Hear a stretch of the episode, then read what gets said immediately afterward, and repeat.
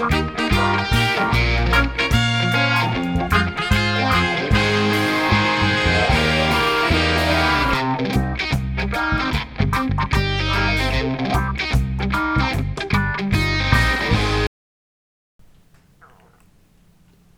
säger vi hej och välkomna till Agilpodden. Agila året avsnitt 122. Exakt, vi är alltså i 2023 och vi är tillbaka. Just det. Eh, Över sex år nu då Just det. har vi hållit på. Och vi fortsätter traja några år till. Ja, vi har inte... Det här är vi inte klara med än. Nej. I och för sig. Vi, vi får väl se. Vi får, vi får se. Oj, nu ramlar en julgranskula ner. Nej, Vilket tecken på att julen är över ändå. Eh, vi ska också säga tack till CRISP eh, för att ni är med och gör den här podden möjlig. Just Gå in på CRISP.se, anmäl er till kurser, anlita konsulter, gör vad ni vill. Och om ni gör någonting så säg gärna att ni kommer härifrån.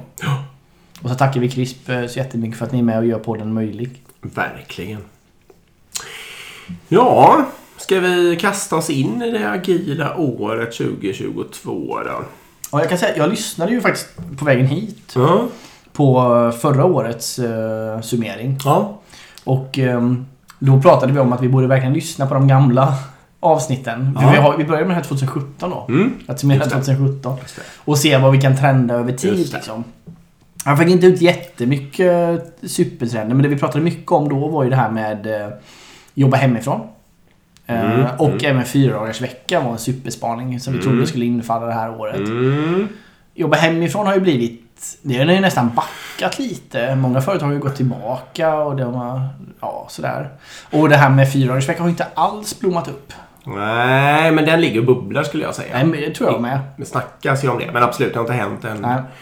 Eh, vad heter det? Hemarbetet har väl ändå blivit en frå... Det är ju ändå en grej som har hamnat på agendan liksom. Antingen i form av Elon Musk, så här alla ska vara här minst 40 timmar i veckan. Eller vilka var det? Tre. Våran företagskultur är att, att ses på kontoret. Eller sådana företag som är lite mera människo eller privatlivstillvända som låter människor tänka och välja själva och så vidare. Just det. Och det ironiska i det där var ju att Twitter var ju faktiskt först ut med att jobba hemma. Och sen bytte de ägare. Ja, sen bytte de ägare. gick som det gick med det där. Vi kommer in på Twitter sen. Ja, vi kommer tillbaka Det går ju inte inte prata om Twitter om man ska Nej. summera det här året. Det är mycket, kul med Twitter faktiskt. Eh, nej men precis. Det var, jo, jag ska säga till mitt försvar apropå det här med att lyssna med gam, på gamla avsnitt att nu har jag börjat lyssna igenom vår andra podd. Eh, Ledarskapspodden, fem minuter, från avsnitt ett. Det var också otroligt lärorikt. Jag har kommit till 70 avsnitt tror jag. Jag tror det finns 200, nej 150 till 200 eller något. Mm. Ehm, ja. Var vill du börja? Nej, jag Ja. vet inte. Ta tag i något. Ja, okej, men jag tar min... Eh, jag tar min... fun- Det första... När vi började prata om det här avsnittet så sa, sa jag att jag skulle ställa frågan var tog agiliteten vägen? Eh, och då känner jag lite att värdena ham- halkar ner i två stycken... Två händelser. Dels finns det organisationer som är lite så här, det jag skulle kalla native agile. Alltså eh, inhemskt agila, eller vad hela världen man nu ska översätta det till. De är alltså naturligt eh, agila av sig själva och de är uppbyggda på det viset från början och de använder inte A-ordet och de fortsätter utvecklas. De är ofta kundtillvända eh, och gör massa smarta saker och sådär. Stora delar av eh, techindustrin som är uppstartad liksom sedan eh, 90-talet.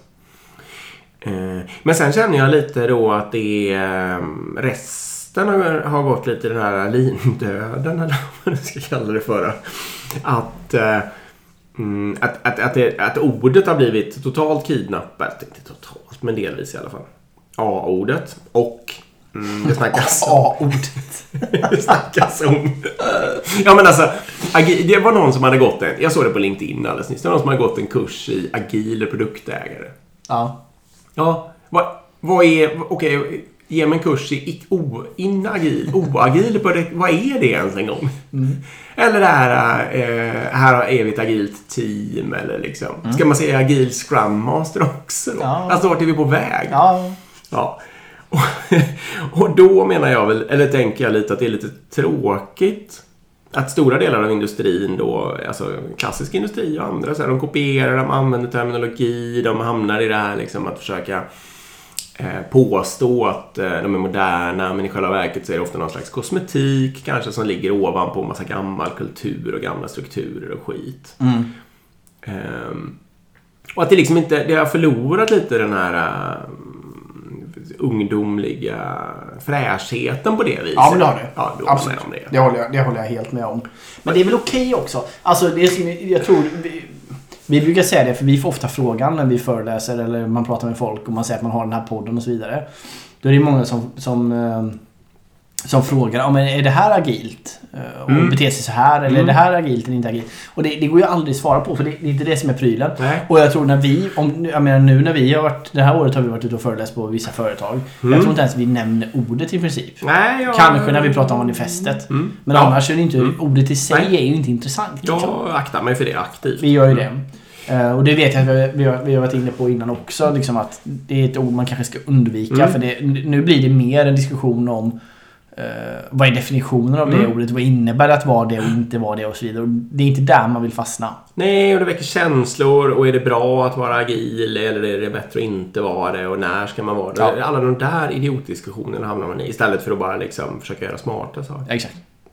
Nej, men jag, jag är lite, lite, lite ledsen över det här. Och då menar jag lite så här. Jag, jag hade nog för fem år sedan så hade jag nog ett hopp mer om att det skulle gå att göra mera transformationer av gammaldags organisationer Mm. och kunna få dem att ändra sig mer än vad de har gjort. Liksom. Mm. Och det är lite det jag kände att, va, hur tappade vi det här? Det var ju mycket, det har hänt mycket bra också. Men det är lätt att se de där som körde fast eller som liksom skapade, fastna i stora ramverk och strukturer och Mm. just gå loss mer på ordet än på själva förändringen på något sätt. Liksom. Ja. Ja. Det var en spaning. Du sa något om eh, resor. Har vi varit någonstans? ja, just det. Om vi summerar vårt år lite ja. Ja. Ja, vi har varit på... Vi har varit, vad har vi varit? Vi har varit på Åland. Kommer du ihåg det? Eh, ja, Åland vet jag att vi var. Ja, vi var på agila Åland. Ja, Det var ju otroligt eh, intressant att se just att eh, Alltså företagskulturen på Åland att, att de verkligen har liksom gått ihop i olika nätverk och försöker göra det mesta agilt. Alltså skola, även liksom styret eh, så att säga. Ja. Eh, sjukvård, eh, allting liksom. Så försöker de och de gör det på rätt sätt också. De försöker titta på vad är det som fungerar inom agil kultur och arbetssätt och hur kan vi applicera det på alla branscher. Ja. Och de gör det med en nyfikenhet Ja. som är väldigt, väldigt inspirerande. Och sen också arrangerar de ju då det här eh, konferensen som heter Mm. Agila Åland. Eh, som kanske är fortfarande huvudgrejen Mm. för dem. Men eh, vi var ju med på den konferensen. Mm. Det var jätteroligt och otroligt inspirerande. Ehm, Och vi hade väl två prator och den ena fast... Nej, vi släppte aldrig den kanske. Eller vad nej, hände? men vi släppte aldrig. inte den. Det blev exklusivt för de som var där. Nej, precis. Nej, det, var ju, det, var ju årets fadäs för oss. Ja. Alltså vi hade ju en prata om organisatorisk skuld. Ja. Så, som är, tycker jag, en av de smartare idéerna vi har kommit Mm. på. Alltså man tittar då på teknisk skuld, det begreppet känner ju alla till. Organisatorisk skuld är ju då istället, okej vad bygger organisationer upp för typ av dåliga saker? Mm. Och hur, hur, hur kan man identifiera dem och vad kan man göra istället? Mm. Det är ungefär det som är huvud... Fastnar de i? Vad Ja. fastnar de i? Liksom? Och det här har vi gjort ett avsnitt om som ni Mm. flesta kanske har hört. Om inte annat så tycker jag det är lyssningsvärt. Och- Eh, Det jag ska säga så att det avsnittet som är släppt nu är alltså inspelat i hemmastudio i Stockholm. Ja, säga. exakt. Mm. Men- men- nu får du backa historien. för första gången vi skulle spela in det här. Då satt du i någon fjällstuga Ja. långt, långt upp i Ja. Norrland. Eh, och vi spelade in hela avsnittet och det blev bra. Vi var nöjda. Mm. Ja. Men sen när jag skulle klippa ihop det så märkte jag ju att din datorfläkt gick på högvarv. Och jag kan, jag vet inte, jag har blivit ljudnördig. Jo, jo. Men, men jag kunde inte mer släppa det. mycket. Så då väntade vi ganska länge. Exakt. Och då släppte det ett tag. Då ska ju sägas också att eh, vi är normalt sett ganska noga med det där. Men jag hade väl lite konstig utrustning, jag hade datorn lite nära mig och så framförallt hade jag over-ear-lurar så jag hörde inte själv det ordentligt. Nej. Och så var jag lite ovaksam. Eh, jo, och vi väntade ju ganska länge för Ja. att vi är ganska måna om vår energi när vi spelar in det här. Så vi aktar oss för att spela in två saker direkt efter varandra för de har ju tappat så att säga. Ja, och det blir Så- mer manus än känsla. Men nästa försök var då på Åland. Och då, jag kommer inte ihåg hur vi diskuterade innan, men då var i alla fall de här ljudmänniskorna där helt tydliga på att de kunde Ja, för vi ville ju ha med mick egentligen och spela in själva. Mm. Men de var ju, ni är mickade så vi Ja, spelade in ljudet. exakt. Ja. Och vi ska inte, de Nej. gjorde verkligen ett seriöst Ja. försök. Men de, de tyvärr misslyckades ju där helt då. Så vi fick Ja. de ljudfil. tappade bort den eller något och det var ju kul för där hade vi interaktion med publik och Ja. också. Så det hade ju varit jättekul att släppa det som en podd. Ja, Så fick vi vänta lite till. Nu är det ju släppt då. Ja. Tredje gången gillt exakt. Det är ett bra avsnitt. ja. Det, det, är helt okej i alla fall. Jo, och eh, nu vill jag göra en reklam till för Åland då. Att vi gjorde ju dock på riktigt också ett avsnitt med eh, grundarna eh, och de som håller ihop den här, eh, det här nätverket eh, Agile Islands.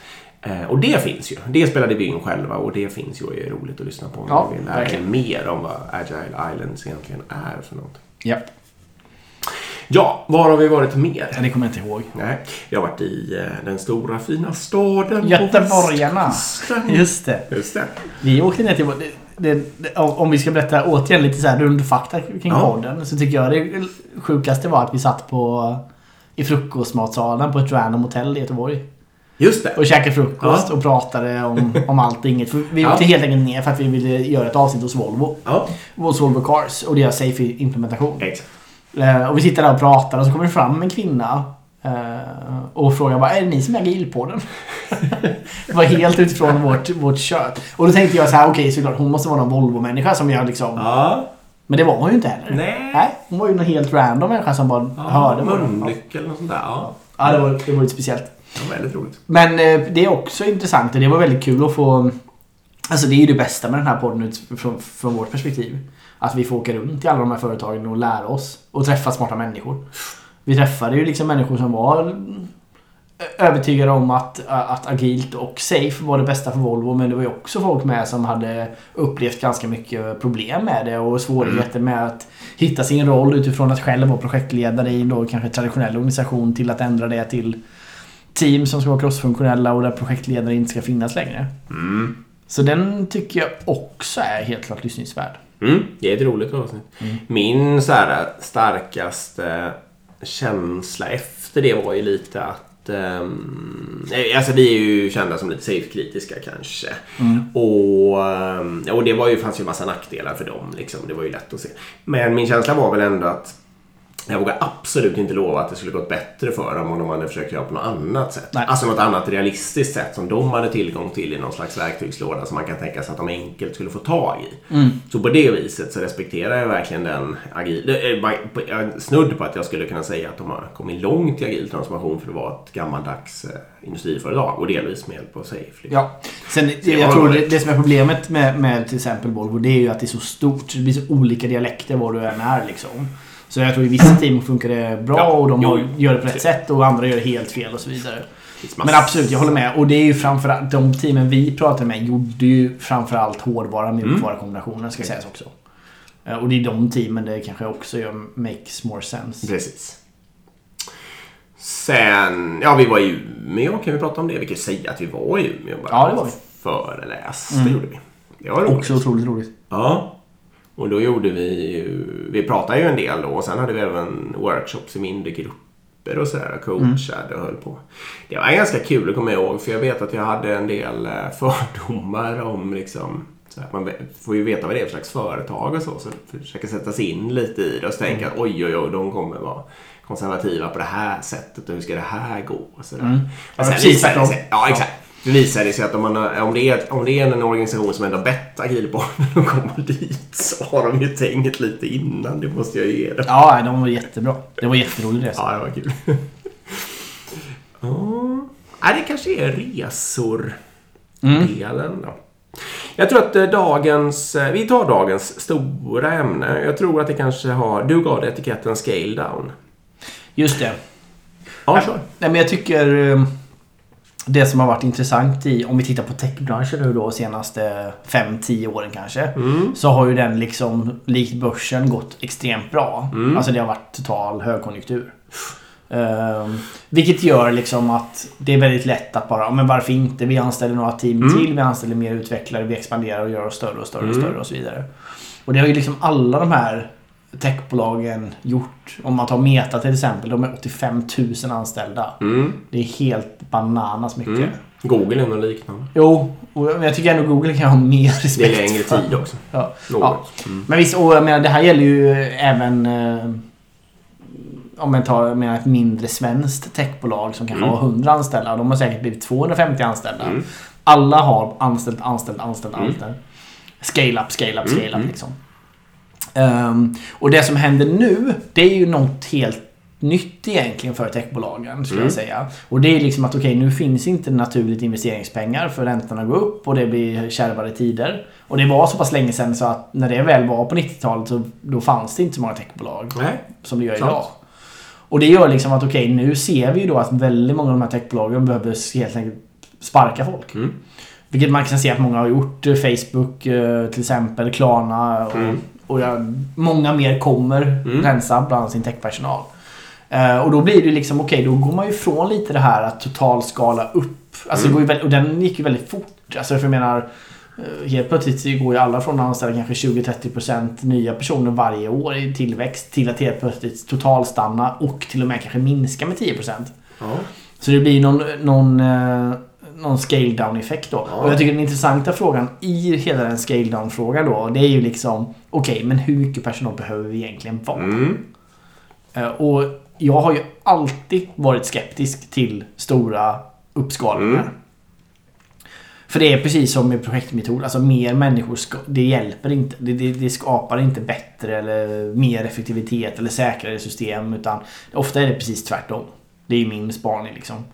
Eh, Och många av de här techbolagen har ju skalat upp nu något otroligt väldigt, väldigt snabbt. Och det kommer med en otroligt, otroligt stor växtverk. Och nu får man ju också dessutom då superproblem att man måste skala ner. Mm. Ja, precis. Med, med massa nackdelar i psychological safety och att arkitekturen redan har liksom växt sig lite för stor och sådär. Så Ja. måste man lära sig en bredare del av produkten än vad man egentligen hade behövt och massa sånt där gjort. Ja. Liksom. Nej, det är sant. Eh, men sa du Twitter nu eller? Nej, Nej, och du vill inte göra det? Jo, det kan vi göra. Twitter är ju ett sånt exempel där... Och jag menar, man ska prata med det här med respekt för alla som jobbar där och sättet Absolut. har gjort det på och så vidare. Absolut. Men om vi tittar på det bara ur ett intressant perspektiv så är det ju att de var ju 7500 personer ungefär. Varav absolut majoriteten är ju ändå engineers. Mm. Eller utvecklare då. Eh, och nu är de nere på, jag tror de är nere på 2500 nu. Och han är Mm. fortfarande säkert inte klar med nedskalningen. Eh, och det är klart att det intressanta är då, okej, har produkten blivit sämre? Har den blivit osäkrare? Har den blivit... Får vi ut mindre features? Jag, jag tror ju tyvärr är det ju så att produkten har blivit bättre. Mm. Mer stabil Mm. och antagligen säkrare. Mm. Kan, den kanske har färre features i och för sig. Eller får ut färre nya features. Inte och det kanske är bra. Ja, det, ja, om det är så så kanske det är bra. Men jag tror inte ens så är fallet. Det kan vara så också. Och då, det är klart, då måste ju varje techorganisation fråga sig. Okej, om, om vi skulle gå ner på någon form av... Om vi kallar det för maintenance eller vi kallar det bare minimum eller vad man ska Mm. säga då. Hur många personer behöver det vara? Och vad skulle vara en, en, en okej eller bra nivå? Mm. Och jag tror på Twitter kanske det handlar om att Jag vet att frågan har ställts och att de har sagt att vi behöver vara några hundra Mm. för att ha and Ja. running. Eh, Men för att liksom då kanske innovera på den och Mm. ligga längst fram i teknikutveckling och så vidare. Så kanske de behöver vara några tusen. Mm. Men det- 2000 kanske räcker. Mm. Och det är klart, det måste ju väcka väldigt, väldigt många tankar i väldigt, väldigt många IT-organisationer. Absolut. Nu är ju den Twitter-produkten är ju lite i sin själ och natur av lite enklare snitt förstås. Liksom. Om man jämför med alltså, Meta eller Facebook-grejen är ju lite mer Mm. komplex i sig. Men det är ju inte säkert att det är bra heller. Nej. Eh, jag ska också säga att vi- den har vi nog dragit i och för sig, men det var ju någon som twittrade sådär. Eh, vad var det han skrev? Nu Ja, har. Twitter minskat från så här många till så här många. Det funkar lika bra. Vad gjorde de andra? Eller något sånt där. Behövdes de? Mm. Och så hade, det var väl Elon hade väl svarat. Den funkar bättre. Ja. Ja. Och som sagt, ja, det är lite roligt och väldigt mycket respekt för alla som fick eh, försvinna därifrån. Jo, för jag, jag tror, jag tror eh, man ska inte tänka att de personerna... Alltså, de, jobbar du på Twitter, då är du Ja, ja. Nej, en var bra bit över Bra. medel i bra leveran- grejer. Ja, exakt. Du är antagligen skitduktig. Och, och, och de skapar antagligen värde, de som var där, så att säga. Men, men det är bara intressant att... Jag, det som är komplexiteten här är ju att Skalar du upp en IT-organisation så pass mycket då får du strukturella problem. Mm. Du får mycket problem i ja, men vem ska göra vad och hur ska vi göra det här och det blir stora projekt eller vad man nu väljer att kalla det. Och då blir det långsamt och trögt. Mm. Um, så jag tror liksom att uh, skulle något annat IT-bolag anställa de här 5000 personerna som har fått det gå så skulle de kunna bli hur framgångsrika som helst. Jag tror inte det handlar om att de har kokat ner soppan och bara valt de bästa. Nej. Det är inte det som är effekten utan effekten är att de helt enkelt tar bort komplexitet. Jo, men det var det jag ville säga också. Att de eh, tror, om man gör det där på ett smart sätt så närmar man ju sig troligt... Jag, jag, jag skulle inte säga det där med maintenance mode och så. Jag skulle hoppas att man närmar sig kärnan i sin Ja. grej och fortsätter innovera på själva kärnan. Men att man inte lika vidlyftig eller liksom håller på så mycket i utkanten av sin eh, produktvision utan att man håller sig närmare sin grundläggande produktvision och därför uppfattas som mera solid och bättre. Liksom. Ja. Jag har glidit över lite i produkt, eh, product management, vad heter det, produktledning. Mm. Eh, jag hade några syskonfunderingar till det där. Jag tror att det var Ola Berg, kan det vara det som skrev på LinkedIn för inte så länge sedan. Det var någon kändis som dog som hade skrivit den här teorin om... Just det. eh, Ja, jag känner igen det här. Om att det blir inte mer gjort om man stoppar in fler människor. Mm. Det är ju verkligen, alltså, bara- vad ska man säga, det är ju inte så att Erik kom på det nu utan Nej. det han som jag tyvärr inte kommer på vad han heter just nu, han skrev ju det på 70-talet eller 60-talet eller något sånt där i någon bok liksom. Eh, Att är det någon sån kunskapsgrej så känner det blir, går inte fortare för att man Nej. kastar in fler helt enkelt. Det är välkänt. Eh, Det andra jag skulle säga, jag tror du är för ung för det, men de här, vi har ju sett en sån, de här första vågens techbolag som mycket opererade på um, omodern teknik, att det var därför inte lyfte. Eh, Framfab till exempel, och vad de hette, Icon Media Lab och de här. De eh, var ju under en kortare period just där, anställ, anställ, anställ. Och blev liksom jättemånga människor. Och sen visade det sig att tekniken inte höll och sen så blev det någon form av lågkonjunktur och så var det en massa människor som fick gå. Men de dog ju de företagen. Ja. Som kanske Twitter inte kommer göra. Men alltså, jag har sett en sån våg under min karriär. Ja. det jag skulle komma Eh, Och den sista saken som jag satt och tänkte just nu medan du pratade var um, knyta till um, Henrik Niberg och när han jobbade på Minecraft, eller på Mojang. Eh, där hade de ju valt att behålla backend-funktionaliteten till ett enda team. I Java-versionen. I, ja, just det, för Java-versionen i och för sig. Men jag menar, där hade man ju också kunnat tänka sig att någon Ja. hade tänkt att ja, men det här spelet är ett av världens mest framgångsrika spel. Vi skalar upp. Vi ska ha 3000 engineers. Jag tror, jag tror de ja. har brutit den här tyvärr. Jag tror de har skalat. Okej. Mm. Det här var kanske två eller tre år sedan vi pratade Ja, om det. något sånt. okej. Men då hade de ju, ja, men det var ju stort redan. Alltså de hade ju Ja, ja. hundratals miljoner, eller åtminstone, jo, kanske Jo. hundratals miljoner användare. De har typ redan. 150-200 miljoner månadliga Ja. aktiva användare. Och det gick ju då liksom. Och de förmådde ju hålla sig just nära sin kärna, sin kärnvision och sånt där. De då var de i alla fall ett bra bevis på att det var en smart strategi. Liksom. Ja, ja, ja, jag har alltid funderat på varför, eh, varför man inte istället som techbolag väljer att betala till exempel mycket, mycket högre löner och ha mindre folk. Ja, nej, jag vet inte. Det, det verkar som att det, man gör inte det. Och, och jag kan väl förstå att man kan få det här... Jag har två saker på den förresten. Den ena är att jag kan förstå att man kan få det här storhetsvansinnet att man vill bygga ett imperium och sådär. Mm. Och lite så. Och det kan man väl... Jag säger ingenting om det. Det kan man väl tänkas vilja. Mm. Men då tycker jag ju mer att man ska försöka det som jag kanske skulle kalla för Google-strategin. Alltså att man knoppar av och skapar nya produktvisioner och ganska mycket autonomi för de här nya. Mm. Så man, då man, att man gör något annat än brev. Alltså man har sin sökmotor och sen skapar man en Office-svit eller något Mm. sånt där liksom bredvid den. Inte att man försöker göra Nej. sökmotorn liksom. Alltså att man har 10 000 engineers till bara den och så Nej. vidare. Så, vet, så uppfattar i alla fall jag att de jobbar. Men jag tror många av de här eh, Många av de här techbolagen försöker Försöker ligga i framkant tekniskt. Och då satsar de väldigt, väldigt mycket. Vi kommer ju komma in på det med den här chatt Mm. eh, GPT som har kommit nu. Eh, Just Google satsar ju, och Facebook också, satsar otroligt mycket på, på typ Mm. techforskning. Som de egentligen inte kanske... De kapitaliserar inte någonting på det nu, Nej. men de hoppas ju på att det kan Ja. driva, göra världen bättre och, och det kan bringa in kapital framöver. Precis. Men, men det är ju frågan, ska privata företag hålla på med det i den skalan? Ja, jag vet inte. Google har ju både den här kvantdatorforskningen, den är ganska avancerad, Mm. och eh, AI-forskningen. Ja. Men det, det tycker jag i och för sig är... Jag tycker det är fantastiskt att privata företag grundforskar också. Ja, ja, det är det. ehm, inför framtiden. Jo, min andra där var att eh, jag tror också att många företag gör det för att undvika, företagsledningen vill undvika uppköp. Ja, det tror jag också. Eh, genom att bli lite för stort för att på ett enkelt och billigt sätt kunna köpas upp. Det tror jag med. Och då om jag parar ihop de två, då, är, då tycker jag ju att då är det ju smartare det här, alltså min avknoppnings...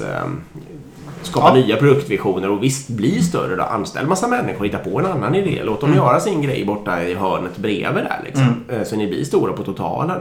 Men förstör inte varje liten enskild produkt genom att anställa 10 000 engineers på den. Nej. Eh, är min slutkläm. Nu får du gå vidare om du vill på... eh, Nej, du får gå vidare på vad du vill. Men du nämnde ju chatt...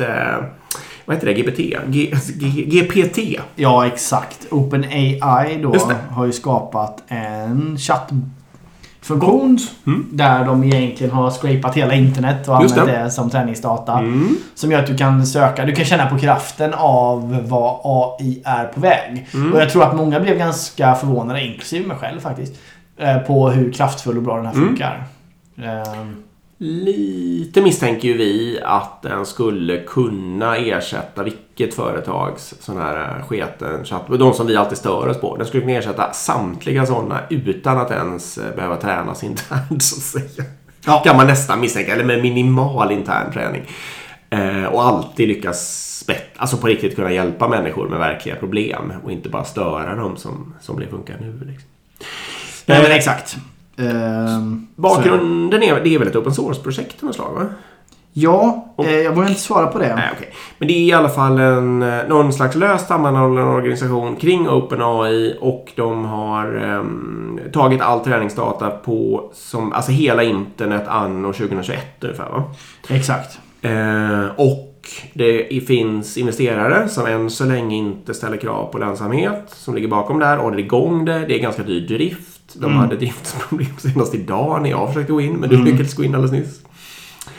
Ehm, och det betyder också att man kan inte fråga, vi testade att fråga eh, saker som har med nutid att göra. Det går ju inte då för den, den är inte tränad. Då säger den det att jag vet inte för jag är tränad på lite gammalt data. Ja. Ehm, och sen testade vi, vi har testat lite, ska fråga, berätta lite vad vi har testat? Eller? Jag ville testa etiken. Så vi frågade om man borde utrota alla människor. Mm. Ehm, och då var den, nu så som den funkade just här, nyss när vi provade, så var den ju etisk och sa att det ska man inte göra. Därför att det finns grundläggande mänskliga rättigheter och man ska respektera allt mänskligt liv eller något liknande. Mm. Ganska fint svarat.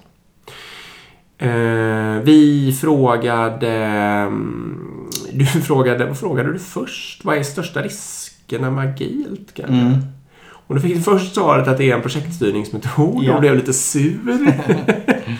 Men sen fick du också svaret att en typisk risk är att det är vad heter det, att, att um, agilt skär sig med den traditionella företags eller organisationskulturen och att det blir ett problem. Mm. Och det är ju ganska, det är ju sann risk då kan man ju säga. Du frågade, vad finns det risker med SAFE? Ja. Fick ganska bra svar. Typisk risk då att man inte eh, orkar träna organisationen tillräckligt mycket eller att eh, förändringen är för stor till exempel. Eh, så man inte får med sig människor inte lyckas få igenom den helt enkelt. Att det är ganska mycket, ett omfattande ramverk, ganska mycket governance och sådana där saker. Då, då hade jag liksom ändå fattat en del av, av huvudpoängen. Eh, Du, fick också, du ställde också frågan när borde man använda SAFE? Mm. Och då var, blev den ju lite mer så att den var lite mer sälj, säljig alla, vad heter han, Leffingwell eller vad han heter liksom. Så att den förde fram de här fördelarna till att man har skalat upp och man har många som jobbar på samma kodbas och vad det var. Men den hade i alla fall då lyckats sniffa rätt på, alltså den uttrycker, den kan sammanfatta så här ganska komplexa saker i, ja, i punktform då liksom. Kanske, det är ju ändå textsnuttar som man orkar läsa på 30 sekunder och sånt där som Ja, innehåller det gör ju punktlistor. Den är ju smart. Ja, enormt mycket information. Ja, du kan berätta om, vad heter han nu då? Mm. Att man skrivit fyra böcker ehm, och fick en sammanfattning av dem och en annan teori. Ja, men exakt. Jo, men den kan ju göra sådana där helt otroliga. I och med att den är tränad på, på den här datan så kan den ju göra grejer som vi människor inte kan helt enkelt. Eller det skulle ta oss otroligt lång tid. Framförallt tid ja. Ja, precis. För då skulle den summera fyra böcker. Det var en författare då. Sen skulle den summera fyra stycken böcker den hade skrivit och samtidigt väva in en annan teori som en annan författare har skrivit. Och den löser ju det. Och så skriver man ju på max 250 tecken och sånt där. ja. Och den skrev ju då en perfekt... Och författaren skrev ju det att jag hade själv aldrig kunnat skriva så här bra sammanfattning Nej. och vävt in den där teorin. Så på sånt blir den helt brutalt bra. ja. Eh, Den funkar ju också väldigt bra för i alla fall basic programmering. Jag bad den till exempel skriva ett, eh, ett eh, program för att bli en miniräknare Mm. i Python. Mm. Och den skriver ju en code snippet som det bara att kopiera och det Mm. funkar ju liksom. Mm. Ehm, så, så det är klart att den det- Och du kan ju också skicka in så här, det här är min kod och det funkar inte och varför och då kan den ganska snabbt hitta vad som är fel. Mm. så det finns ju såklart stora användningsområden för det här. Jag kan säga så här, det- alltså det här, skal, det här kommer inte funka i längden just som det är nu för det här kräver otrolig processorkraft. Mm. Eh, och jag vet, jag kollade upp det, den kostar ungefär... Nu vet man inte exakt arkitekturen bakom men det var någon utvecklare som hade räknat på att okej, så här så här mycket kommer den använda den liksom. Mm. Och de räknade med att den kostar ungefär 30-40 miljoner, miljoner svenska i månaden. Mm. Och ja, bara up and running då. Mm. Ehm, och nu som sagt ligger det ner också för att Mm. mest troligen på grund av en kostnadsfråga att det kostar för mycket för dem att skala upp det. Och Ehm, att intresset har ökat så lavinartat. Ja, Precis. sen, sen så kommer ju teknikutvecklingen göra att den inte kommer Mm. kräva så mycket och så vidare. Men, men det är ju intressant alltså. Och det är ju första gången på länge vi har en riktig utmanare till Google. Ja. För det här är, det här är en bra sökmotor. Ja. Ja, en bra Alltså precis. Och som sammanställer information på ett väldigt intelligent sätt. Ja. Det måste man ju göra. Eh, och jag, alltså 30-40 miljoner är, låter ju som mycket pengar. Men det är klart att jag vet inte hur många användare den servar just nu. Och det Nej, men nu är det att- gratis. Så. Jo, jo, men jag menar att det är företaget eller den organisationen som är sugen på att betala 30-40 miljoner och, och har tillgång till allt det där för alla sina medarbetare liksom, Ja. själv och så vidare. Den får ju på ett sätt ett väldigt stort försprång om den lär sig kan ju träna datat på mer modernt och träna det på internt och så vidare. Nej, det ju, kan ju vara någon, alltså en sån här tipping point som håller på att hända här. Ja, det kan vara. I, inom AI just. Eh, framtiden får utvisa. Mm. Ehm, ja, vad har vi kvar här? Jo, men lite kanske. Ska jag säga någonting om det har ju blivit krig i fjol liksom. Mm. Både du och jag var ju rädda för att eh, det skulle gå på det andra sättet som det inte har gjort. Ja. och det här, men jag, jag trodde kanske att den här krigsmakten var väldigt kraftfull och skulle vinna på några veckor liksom. Teoretiskt, ja, det var ju det alla Ja, trodde. eh, De precis. har mycket, mycket mer materiell. De har... De är... Jag vet inte, 50 gånger större eller något. Ja, De borde bara kunna köra över och ta Ja. över i princip. Och det är, klart att, det är klart att det här med tillgång, fri, eller inte fri, men ganska stor tillgång till krigsmaterial som produceras någonstans långt borta, som inte kan förstöras, alltså där produktionen inte kan förstöras. Men det har ju båda sidorna i det här fallet då. Men, men, eh, men omvärlden gjorde ju så att den andra, Ukraina-sidan, ganska fort fick det. Liksom. Och det är klart, det är en väldigt stor faktor.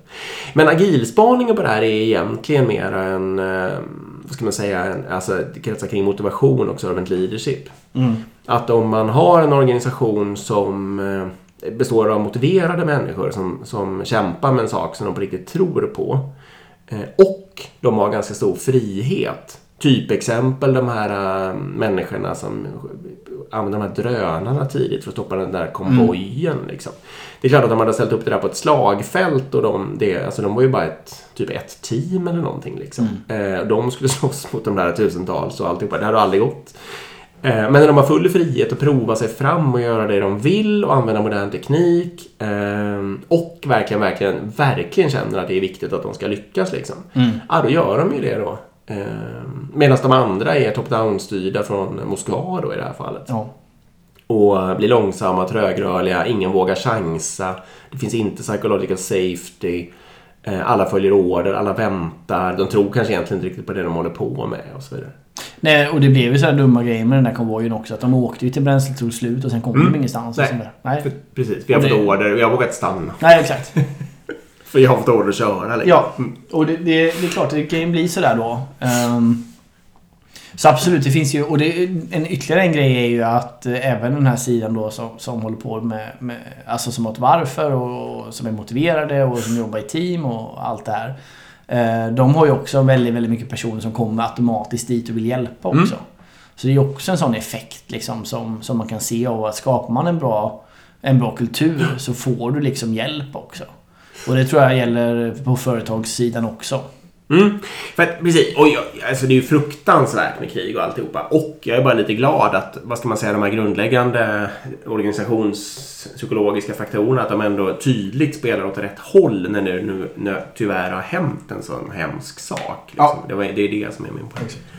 En uh, syskonspaning till det där tycker jag är att om man tittar bara på i svensk industri att um, agil HR på något vis håller på att svinga upp sig. Alltså, ehm, det är fler och fler stora organisationer som intresserar sig för att jobba med HR på ett annat Mm. sätt. Alltså mm, Pia-Mia och människorna runt eh, henne håller på att jobba med agil HR. Det finns ju en, eh, en podd som Mm. har gästat oss och som du har varit med i som Mm. heter Agila HR-podden kanske? Ja, filomangen. Det kan vi, det kan nog få lyssna på om man vill. Absolut. Jag pratar om dumheter i organisationer där. Det finns om man söker på Agila HR-podden så hittar man den. Jag är några avsnitt ner.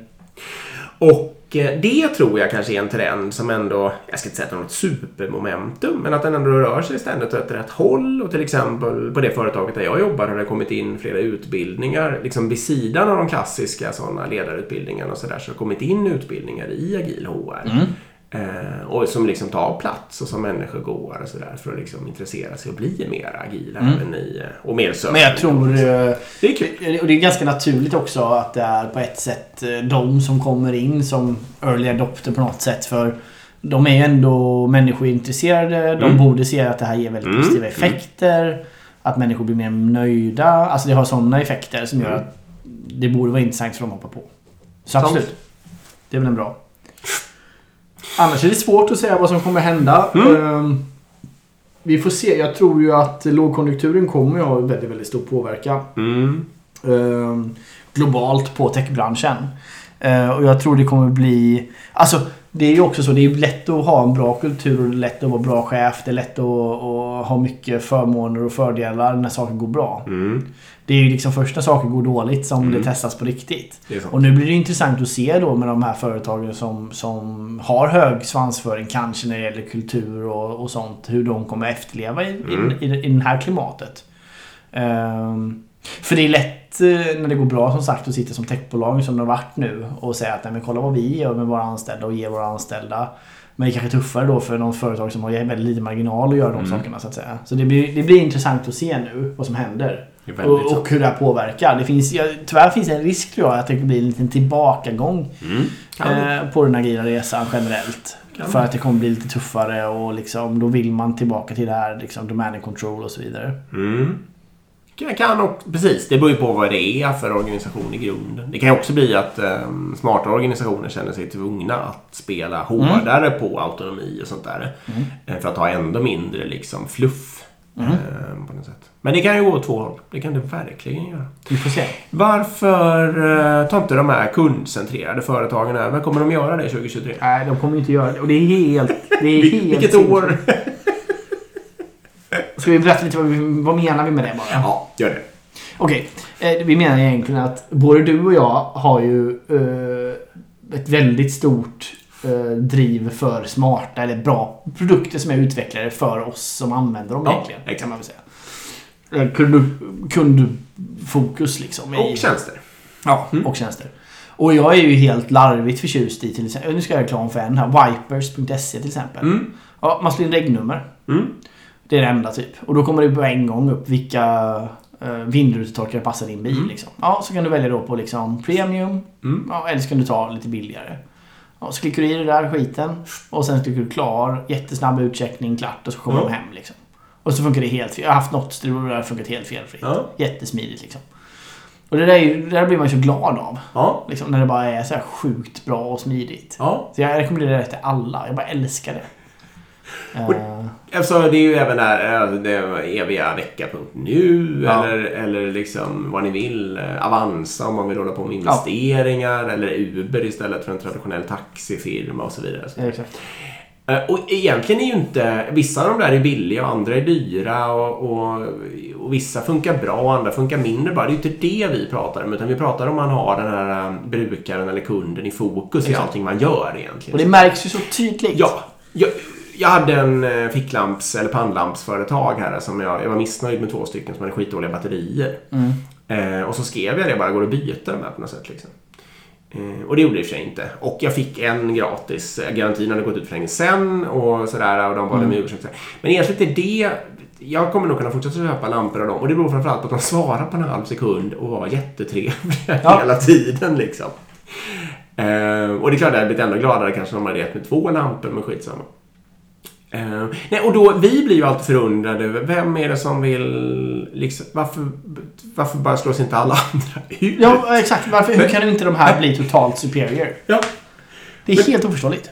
Och, men vi tror väl ändå, det går bara saktare än vad vi... Alltså, vi tycker det är oförståeligt att det inte händer över en natt. Ja. Och vi tror väl ändå att det under de kommande liksom, alltså, Ja. åren så kommer det bli mer och mer sån Det utslagning. borde bli så, men jag ser det inte riktigt hända. Nej, du hade ju någon, du, jag vet inte var, var hade du sniffat upp det, men det var någon som gnällde på Tesla.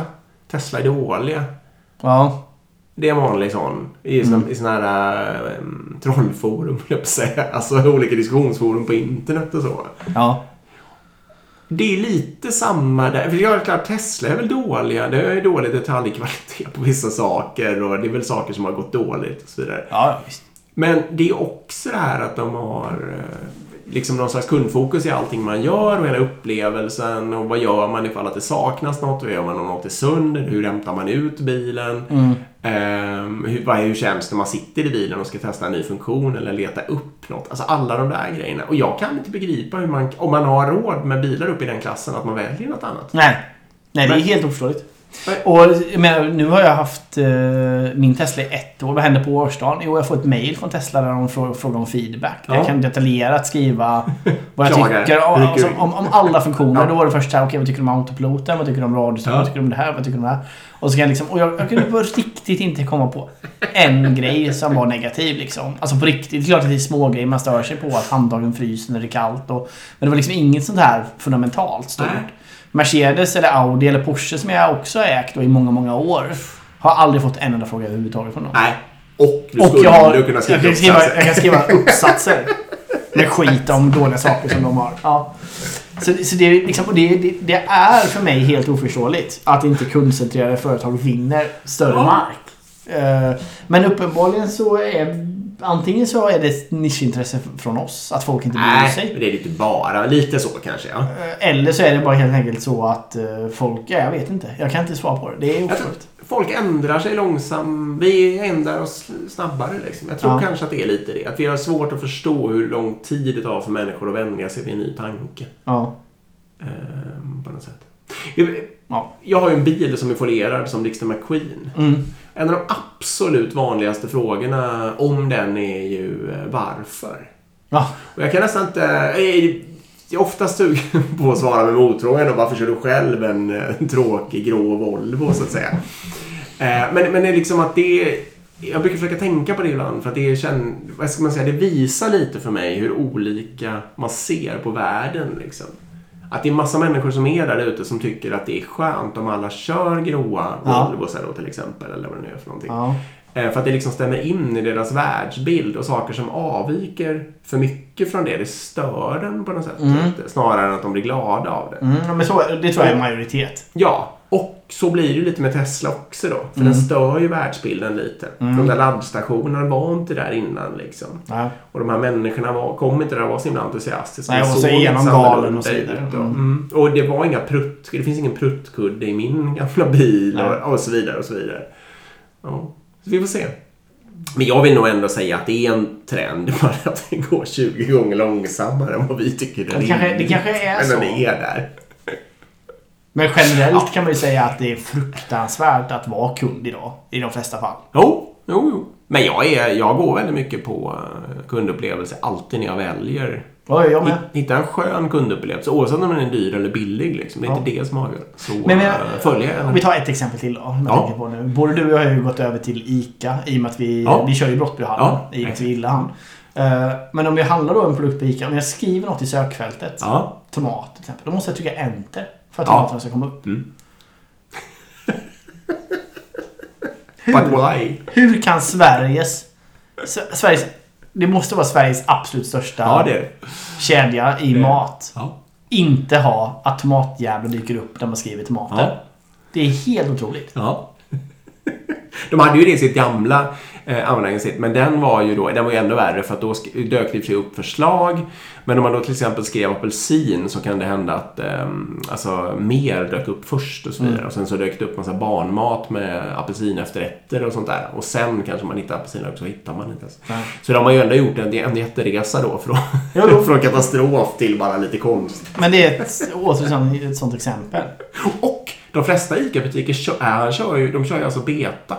Mm. Så det är bara om man... Jag har aldrig hittat någon annan ICA-butik än Brottbyhallen som kör det här där det är ändå en rimlig sökmotor. Men man måste tycka hänt. Mm. Nej, och det är också helt obegripligt. Varför har de inte... Det är inget fel på det. Varför har inte alla bara bytt över en natt? Ja. Okej. Ja, det får vi ge oss. Ja, det ger oss. Slut på rant. Eh, Slut på det. Ja, men vi kör på ett år till i alla fall. Det gör vi. Och eh, om ni vill oss någonting så kan ni då till exempel mejla på agilpodden at gmail.com Mm. eller skriva på eh, agilpodden på Instagram. Det. Och adda oss gärna på LinkedIn också. Det Och adda oss på LinkedIn, ja. Dick. Frihammar, Erik Hultgren på LinkedIn. Precis. Du är ju bättre än jag. Jag skriver ibland lite roliga saker också. Ja, men vi är ganska aktiv. Och vi, du sa det nyss, vi saknar lite lyssnarfrågor. Mm, Eh, det Så skriv gärna lyssnarfrågor. Skriv om ni vill köpa föreläsningar och sånt där. Mm. Och lyssna på, alltså, um, om ni känner att det är jobbigt sånt så gör vi såklart helt anonymt. Både företag Ja. och namn och Ja. allting. Det går verkligen bra. Ja. Och, de, och det behöver inte vara så fancy frågor heller. Det är, Nej. det är roligt att veta vad, vad människor på riktigt ute i verkligheten liksom funderar på och vill Mm. göra och sånt där. Nej, precis. Ni behöver inte känna att det måste vara, ha, ha någon höjd på något Nej, sätt. Inte, nej, precis. Gärna base, back to basics. Så att Mm. säga. Hur borde jag göra med Scrum Mastern och produktägaren och sånt där. Liksom. Ja. Det går att fråga sånt också. Eh, precis. Ja, nej, men det är väl det. Tacka Crispen för att ni är med oss. Gör podden möjlig. Gå in crisp.se och kolla på deras fantastiska hjälp som man kan få i både i form av utbildningar och, och konsulthjälp om man vill göra saker inom det här området. Ja, och tack till alla som lyssnar. Ja, verkligen. Nu kör vi nytt 2023. Bra. Hej. hej.